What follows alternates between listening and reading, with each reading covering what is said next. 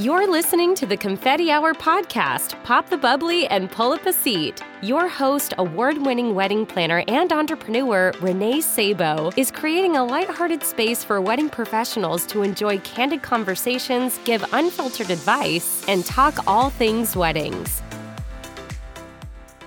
Confetti Hour Squad, I'm so excited to share that we are now on Patreon, and I am calling on you to help support our show with a small contribution of $3 per month or 75 cents per episode. Your support goes towards the professional maintenance of the show, allowing us to continue to bring on reputable wedding professionals weekly to share their incredible journeys and tangible tips to help professionals like you and me elevate our services. I hope you will consider this small contribution to help our show, and you can head on over to patreon.com slash the confetti hour to check out more details about becoming a Patreon. Hi, Confetti Hour Squad. Welcome to this week's episode of the Confetti Hour podcast. As always, I'm your host, Renee Sabo. And wow, so we made it. It is December 31st, 2020. Something that we all have wished for. We have just asked every morning, every night going to bed, is this year over yet? And here it is. It's about to be over. And I wanted to jump on the podcast this, this last day of 2020 to say that one, I am so grateful for all of you. Thank you so much for continuing to support my podcast and support my business during this excruciating year. And two, I wanted to say, you all are fighters. My goodness, we made it through a horrendous situation this year together. And while I know as we enter 2021, we're not going to wake up tomorrow and things aren't going to be cured. And I understand that. So I, my heart is going out to everyone that's still dealing with the ongoing stress of the pandemic. But what I will say is that we need to be so proud of the way that we've navigated this year as event professionals and as humans.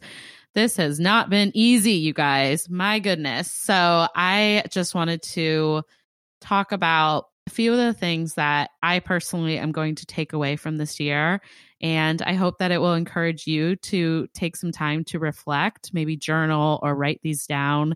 You know, really think about the silver linings and the the things that were good out of this year and what can help you as you continue to navigate the rest of the pandemic and move forward from this because now we were going to be entering a year of repair, right? So we are starting to see there may be a light at the end of the tunnel in terms of this crisis. And thank goodness for that because my heart breaks every single day hearing how many deaths there have been, how many people are sick. And it's you know, really at the end of the day, like business aside, professional career aside, like that in itself has just been the worst part about all of this, obviously. And so I'm just really looking forward to seeing some relief in our world because it is just so tragic what has happened. And, you know, we just want to be able to leave our houses and feel safe again, right? And so I'm definitely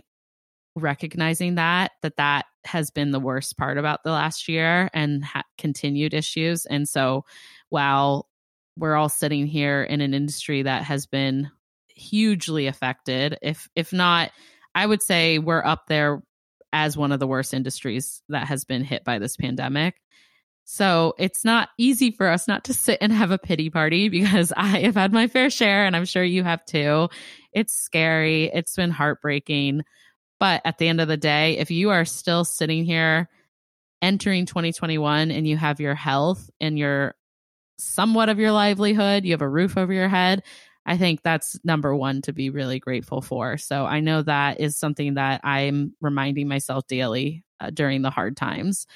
And number two, I think, you know, some of us have seen pockets of time that we didn't used to have. And for me, it's looked a little different because I've had a lot of ongoing work. The postponements definitely have kept my 40 to 50 hour work week very busy and sometimes more. And it's not something that I uh, look forward to carrying into the new year. Let's just say that. But at the end of the day, I have had weekends off. I've gone to the beach. I've gotten to connect with friends. Sure, it was digitally, and some people were locally with socially distant picnics. And, you know, I think that regardless of what those connections looked like or whatever format it was in, I just feel really grateful that I was able to do that because I don't know about you guys, but I think about my old life. That's what I'm calling it now. I think about my old life and I was just running from one thing to the next. Literally, my heart rate never went down. I was from meetings to meetings to network event to network event, from phone call to phone call. And some of my days still feel that way, if I'm completely honest. But having the chance to have two days a week or three days a week where it's not like that has been a game changer for me. And I just feel so much more aligned with who I am as a person and how I want to move forward in repairing my business after this and and who I am. You know, I I no longer will find it acceptable to work after a certain hour and, you know, that was always things that I tried to do before, but at this point it has just put so much into perspective on the fact that we shouldn't be, you know, living to work. We should really be working to live a life that we love. And it is so hard when you work a job that you're passionate about. I literally could work on my business or in this career every single waking hour, but that shouldn't be what I do because at the end of the day, there's more to me as a person. And so I'm really grateful for the opportunity this year to take a step back uh, on weekends or you know even having dinner uh, before 9 p.m this this year i think that I'm grateful for that because it was something that was a long time coming and it was something that was really needed. And so it's now something that I can't let go of after this, right? And so I hope that some of you are having your own realizations of what your previous schedules or lives looked like and and how you can improve moving forward and and really just be like the most fulfilled person that you can be. I think on the vulnerable side, I, I can share. It's not very easy, but I've had to look inward as to how I deal with stressful times because this has been the most stressful year of my entire career. And sometimes lifting up the hood is not pretty. And that was definitely the case for me. I've had to dive so much further into my mental health and the way that I deal with problems and kind of the root of why that is. And so that is something that has been a little challenging this year. But at the end of the year, I'm sitting here feeling thankful that I did the hard work to focus on my mental health. I have been doing weekly therapy sessions and, you know, branching out into hobbies that are really special to me that I had put on hold because of my career.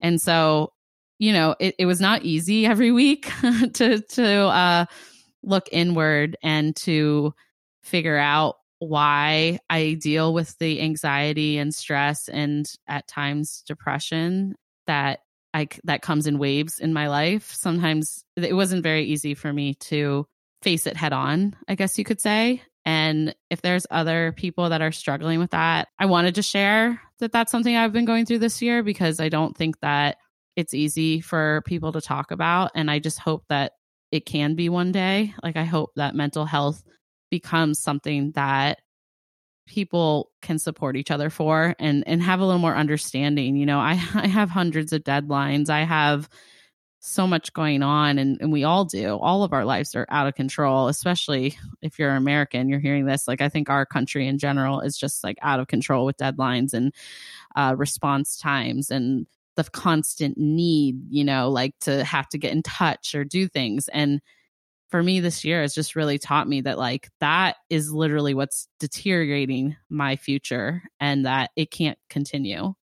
If I want to be my the best version of myself, to be the best business owner, to be the best wedding planner, to be the best wife, friend, daughter, you know, sister, all the things, I cannot continue to let the cycle of anxiety and the world and all the struggles that go on affect me the way that it does. Like you have to take power and you got to take it back in control, right? Because it, there's always going to be something. Sure, this year's a global pandemic. That really freaking sucked.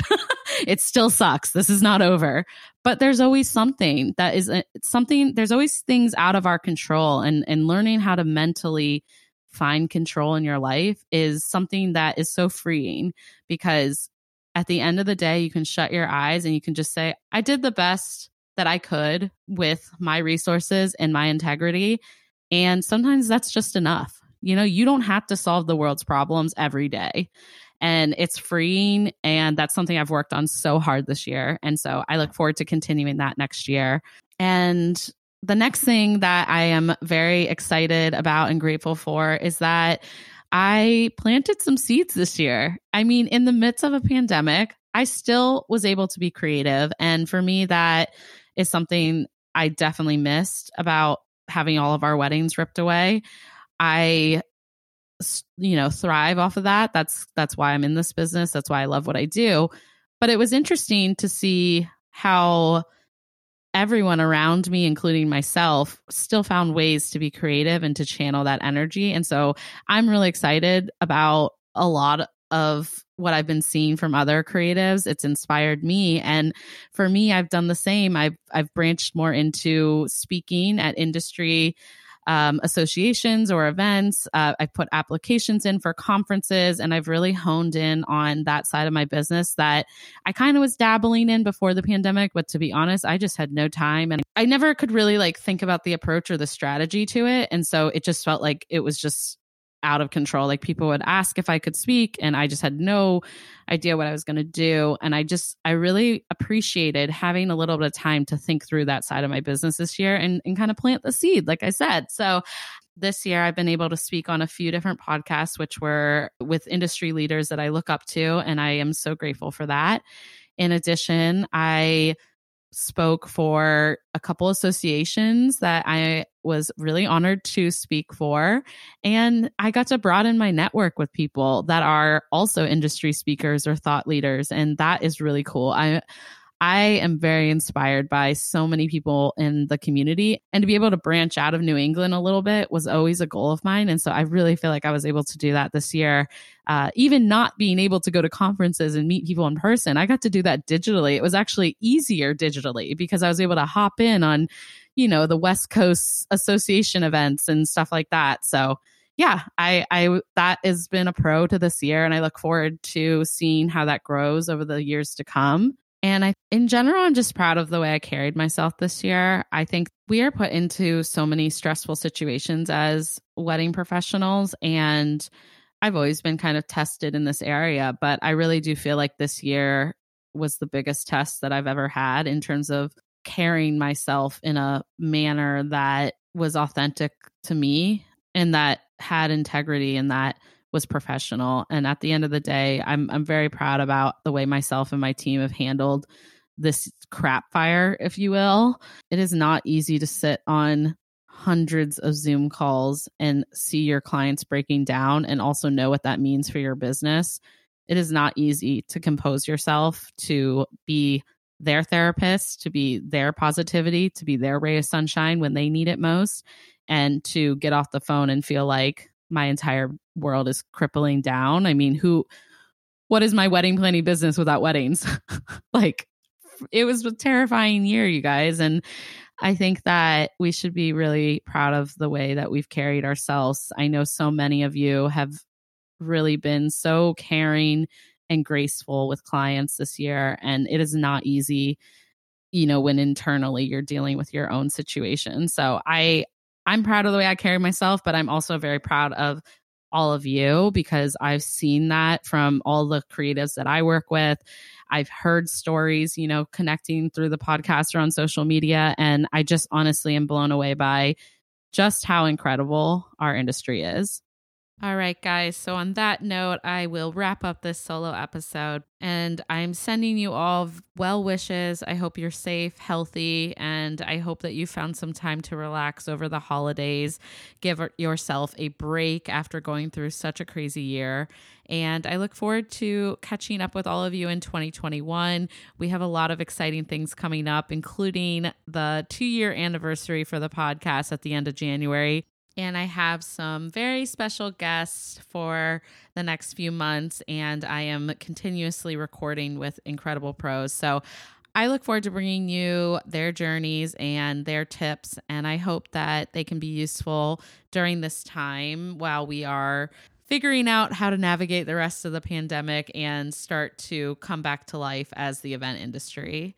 Thank you guys so much again for your support. I would be nowhere without this community. And if you are new here, I want to ask you to subscribe to our channel. And if you know a fellow wedding pro, please share our podcast, get them to tune in and see how they like it more the merrier here, especially right now.